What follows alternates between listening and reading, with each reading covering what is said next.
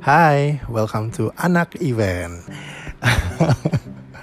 Aduh, tadi random, tadi sih random banget sih karena gue ngerasa bahwa itu tadi kayak curhatan aku aja di tengah pandemik ini kayak worry dengan keadaannya dalam uh, keadaan sekarang takut gak ada event takut nggak ada apa tapi kita kita akan bahas mengenai gimana kita sekarang bertahan di um, dunia event dan kontingensi plannya seperti apa.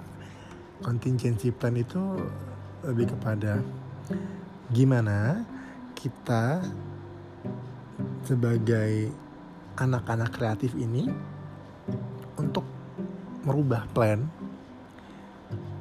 Ibarat kata kalau anak-anak zaman sekarang plan A to Z. Jadi plan apa sih yang pengen yang harus kita lakukan? Ada yang kemarin um, pengen buat yang namanya virtual event. I mean like kita anak-anak offline yang create event offline mungkin udah jadi makanan sehari-hari kita kali ya. Tata lampu lighting ya stage uh, liaison officer dari uh, artis liaison of LO dari MC terus nge-create rundown gimana cara yang meningkatkan animo penonton naik turunnya show dan sebagainya itu mungkin itu sudah jadi makanan kita sehari-hari. Tapi bagaimana kalau kita berbicara mengenai virtual event? So kemarin so kemarin gue udah gak udah sih uh, apa namanya teh? Praktek uh, mengikuti beberapa course training online gitu di di beberapa course gitu. Apaan sih? Salah satunya adalah untuk gimana kita create event online ini dengan baik dan benar gitu. Apalagi cara ngejual sebenarnya yang paling yang paling apa ya yang paling mendasar itu sebenarnya adalah gimana sih kita jualan virtual online itu ke klien-klien gitu? Bagaimana kita bisa merubah mindset dari offline to online kepada masyarakat eh sorry kepada klien kita? Karena jujur klien kita tuh udah ketika virtual event sekarang itu uh, mindsetnya mungkin lebih ke seminar lebih ke webinar ya yang mungkin tidak menguntungkan atau tidak mendatang mendatangkan uh, engagement. Karena kan yang paling penting sebenarnya kan ketika kita ngomong masalah event marketing event marketing event offline BTL or something like that. Yang paling penting adalah mendatangkan engagement. Bener ya mendatangkan engagement dari uh, calon konsumen atau calon uh, customer kita customer dari si klien ini. Dan akhirnya dia tertarik dengan apa yang kita promosikan apa yang kita create itu. Gitu. nah jujur dari gue sendiri jujur dari gue sendiri adalah gue masih belum bisa nemuin yang namanya uh, apa ya feelnya sebenarnya. Feel dari ini uh, virtual event. Karena kan gue akan ngejual ini dong. Bener nggak ketika pandemik ini pandemik ini akan terus terusan berjalan sampai akhir tahun gitu kan. Apa yang harus kita tawar yang harus kita tawarkan ke klien? Kemarin saya uh, sempat curhat aja ya karena saya ada uh, memegang beberapa eventnya Bank Indonesia. Saya agak sedikit kaget sih dengan dengan dengan uh, eventnya dia yang punya gitu sekarang. Kan saya juga uh, kalau kalau event sama dia kan sama sama sama Bari Bank Indonesia itu biasanya kan kita uh, of, uh, berhubungan dengan teman-teman humas. Markom ya kalau di, di swasta mah markom tapi di sini humas hubungan masyarakat gitu. Uh, public relation PR-nya yang saya kaget adalah sekarang realitanya perusahaan ini sekarang sudah dituntut untuk membuat webinar sendiri. Tanpa harus ada pihak ketiga. Atau ya ya agensi atau event organizer yang membantu itu gitu. Cukup ya udah gitu public uh, teman-teman PR-nya satu uh, di teman-teman PR-nya BI aja sudah bisa loh membuat satu webinar dan dan ternyata webinarnya juga tidak kaleng-kaleng gitu. Kemarin saya lihat kalau nggak salah itu baik itu Mewu mengenai public speaking. Terus MC-nya itu ada dari uh, Mas Jova dari Hard Rock FM Surabaya. Terus ada Mbak Citra Permata dari Hard Rock juga. Dan ternyata setelah saya pikir-pikir bahwa apa ya yang mungkin bisa dijual lagi nih gitu loh. Ini klien saya seorang bank Indonesia sebuah perusahaan sebuah uh, bank Indonesia bank milik pemerintah itu sudah mandiri gitu untuk membuat satu event virtual eh, virtual event sorry. Itu sudah mandiri dengan internalnya mereka. Ini yang membuat saya harus berpikir lagi nih gitu. gimana ya? Apa ya yang harus kita lakukan sebagai uh, kreatif event virtual event. Untuk membuat suatu virtual event. Kemarin saya juga sempat teman saya di kantor saya di saya berada ini kemarin dapat kesempatan untuk uh, belajar mengenai training event uh, virtual event yang diadakan oleh Kemenpar dan juga beberapa narasumber dari Australia yang memang dia uh, memang dia bagus gitu untuk ngadain uh, acara ini virtual event. So saya coba nih habis ini tanggal 20 katanya ada graduation which is besok berarti ya besok ya besok dia ada graduation.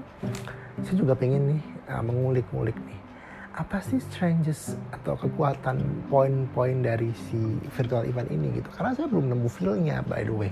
Mungkin teman-teman di sini yang mau sharing mengenai virtual event atau mungkin yang sudah mengadakan virtual event atau jualan virtual event itu bisa sharing di sini ya karena aku juga butuh nih uh, sharingnya teman-teman by the way itu yang mungkin pertama pertama yang bisa kita lakukan virtual event tapi untuk peng, uh, pengemasnya untuk menjualnya itu kita harus benar-benar ekstra uh, lihai, detail juga. Karena besoknya kita bukan broadcaster yang menyediakan host uh, host broadcastingnya gitu loh, host broadcastingnya beda mungkin yang sudah seperti ATL agensi. Mereka sudah mempunyai host agensi, sorry ada host broadcastingnya mungkin TV-TV TV-TV komunitas, radio-radio komunitas yang memang dia sudah terbiasa dengan ini, mungkin mereka sekarang diuntungkan dengan adanya pandemik. Nggak tahu ya kayak saya lihatnya ada TV-TV TV-TV komunitas seperti TV-TV kampus, TV-TV ya TV-TV lokal yang memang jangkauannya memang tidak terlalu luas ya. Sekarang diuntungkan gitu dengan dengan adanya uh, pandemik ini gitu karena mereka bisa live streaming YouTube. Banyak lah maksudnya akhirnya mereka bisa berkreasi. Dan aku alhamdulillah banget gitu karena mereka sudah bisa ini.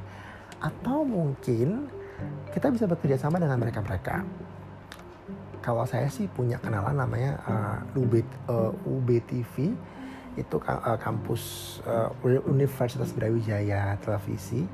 Itu dia secara kelengkapan peralatannya mereka sangat kuat ya. Tapi memang secara jangkauan itunya memang tidak luas tapi mereka sangat produktif. Dan mungkin teman-teman juga bisa cari di uh, apa ya di lingkungannya gitu seperti apa ya apa yang bisa saya lakukan untuk virtual event? Karena virtual event ini benar-benar membutuhkan host broadcasting. Lagi-lagi saya balik lagi ngomong itu server yang bagus which is juga internet yang bagus gitu. Kita nggak bisa yang sembarangan uh, gimana gimana gitu. Ada juga mungkin tadi saya juga per, kemarin lihat di Twitter apa di Instagram deh ada virtual event untuk uh, pernikahan jadi pakai green screen. Oh keren banget sih. Balik lagi sih gitu. Seberapa butuhkah seorang klien ini untuk bisa mengalihkan budgetnya dari offline marketing menjadi online marketing? Dan itu kalau misalnya kita hitung-hitungkan itu nanti akan masuk budgetnya siapa nih? Kita juga harus tahu nih guys. Uh, market kliennya kita itu siapa? I mean kayak ketika kamu sudah ketika seorang markom offline marketing itu tidak bisa punya kekuatan apa-apa untuk promosi. Dan akhirnya dialihkan ke tadi itu online itu ini apakah perusahaan ini juga mengerahkan atau menyerahkan pekerjaan itu ke yang anak-anak event marketing? Apakah akhirnya udah dialihkan semua jadi ATL ATL kan juga banyak ya pemirsa. Pemirsa guys. Kayak iklan terus uh, teaser buat looping buat digital marketing dan sebagainya gitu. Apakah itu akhirnya dialihkan gitu ke apa ke teman-teman ATL gitu. Itu yang pertama. Yang kedua itu aku kemarin sempet kayak aduh coba deh kita buat sesuatu yang berkaitan dengan CSR I mean like there's no event but it's about production. You get you can offering your client yours uh, untuk mengawalkan service kamu gitu produksi. Ini penting banget sih gitu. Ketika kamu adalah orang yang bergerak di event kreatif especially for event uh, marketing event putar otak ya bo. Putar otak untuk itu gimana ya caranya? gitu. Kita harus deket-deket sama orang produksi sama orang uh, vendor gitu. Ada beberapa yang kemarin saya sempat uh, sempat jualan juga. Jadi kayak steril hand. Saya kemarin di episode pertama saya juga udah pernah cerita. Jadi saya pakai steril hand wash gitu. Jualan steril hand wash mungkin nanti hari apa gitu saya saya pasang di twitter gitu ya.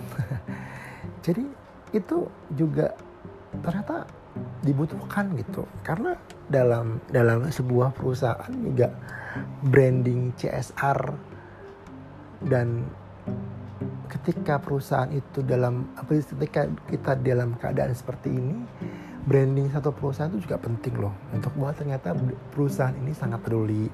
Coba lo lihat di LinkedIn itu banyak banget ya. Uh, karena kan di LinkedIn kan kenalan kenalan connection connection aku kan banyak orang-orang markom orang-orang uh, yang bergerak di bidang uh, event marketing gitu untuk prinsip untuk prinsipalnya coba teman-teman lihat di situ. Di situ pasti banyak banget posting-postingan mengenai uh, perusahaan A ini sudah menyerahkan APD untuk rumah sakit ini. Perusahaan ini sudah ini itu ini itu ini itu. Jadi ini benar-benar kesempatan juga buat teman-teman. Siapa tahu teman-teman di sini juga punya kenalan channel. Mungkin kalau misalnya teman-teman mau channel di Surabaya mungkin bisa hubungin aku juga. Uh, apa untuk kayak sterile hand washnya itu. Jadi kayak brandingan gitu uh, kemarin aku dapat uh, dapat klien tuh Gojek. Sama ada satu uh, perusahaan namanya Trias Sentosa. Itu bergerak di bidang manufacturing dan juga plastik. Plastik manufacturing sorry dia buat CSR gitu buat uh, beberapa rumah sakit untuk di tempat untuk menempatkan satu sterile hand wash dan ada brandingannya gitu Gojek, Tria Sentosa gitu. Jadi itu juga sebenarnya juga bisa karena kan kita kan berkaitan dengan branding ya, Bo. Pakai Bo lagi.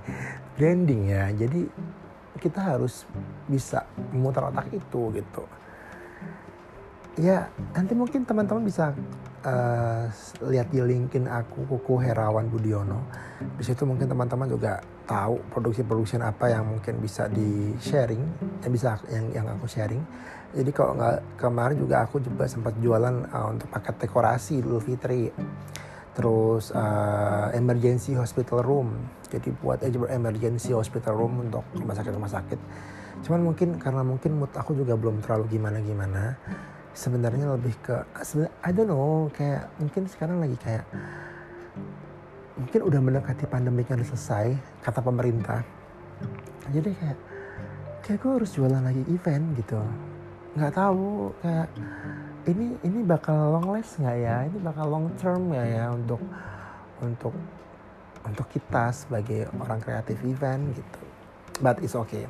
Nanti kita berdoa sama Allah subhanahu wa taala oke. Yang ketiga itu adalah digital marketing. Ya mau tidak mau kita akan kembali ke digital. Kita akan kita akan beralih ke digital. Membuat konten-konten digital marketing. Kemarin saya juga sempat ada belajar voice over gitu teman-teman. Jadi teman uh, voice over ini juga membantu sebenarnya untuk nge-branding kita nggak tahu deh pokoknya teman-teman mungkin bisa cari digital marketing tapi saya belum terlalu gimana gimana karena digital marketing ini buat saya agak sedikit saru sih. Karena kan lagi-lagi kan nanti akan ATL lagi ya. Ya kita lihat di perkembangannya seperti apa. Kalau teman-teman mungkin ada saran saran saran. Oh my god sorry ada saran? Mungkin teman-teman bisa nih uh, sharing di sini ya komen aja gitu. Ini uh, aku anak event ini kayak gini kayak gini kayak gini. Ya gue memang belum terlalu gimana gimana sih mengenai event. I mean like kita sama-sama belajar untuk belajar ya ya mengenai uh, bagaimana kita mengatasi pandemik ini di uh, mengatasi ke, keadaan seperti ini untuk anak-anak yang memang pekerjaannya seperti saya ini anak-anak event gitu. Sampai kita semua teman-teman event yang lain tuh kayak aduh gimana ya? Wedding, ya, event dan sebagainya yang memang berkaitan dengan masa. Itu udah gimana ya kok gimana ya kita ada kayak gini dan sebagainya? Mungkin dengan sharing-sharing seperti ini kita bisa cari solusi gitu coba mungkin teman-teman ya sekali lagi kalau misalnya teman-teman mungkin uh, bingung ya aduh gimana ya? Gitu. Mungkin juga bisa sama-sama sharing anda tidak sendiri saudara-saudara. Oke. Okay mungkin itu yang bisa saya sampaikan ya karena ada bingung mau ngomong apa by the way. So sebentar. Aduh ini susah banget ya. Bentar ya. Oke jadi mungkin teman-teman itu aja yang bisa saya sampaikan bisa saya sharing ke teman-teman jangan lupa untuk sharing dan juga like atau komen YouTube kali ya cuma nggak tahu nih kalau podcast ini gimana ya cuman ya kita sama-sama belajar Oke, okay, terima kasih teman-teman semuanya. Have have a nice day. Selamat berpuasa bagi yang berpuasa dan selamat menjelang uh, hari Lebaran. Ya karena udah deg-degan udah hamil seminggu nih, udah udah pada gak konsentrasi kerja. Oke, okay, goodbye, goodbye. Selamat Selamat pagi, selamat siang, selamat sore, selamat malam semuanya. Assalamualaikum warahmatullahi wabarakatuh.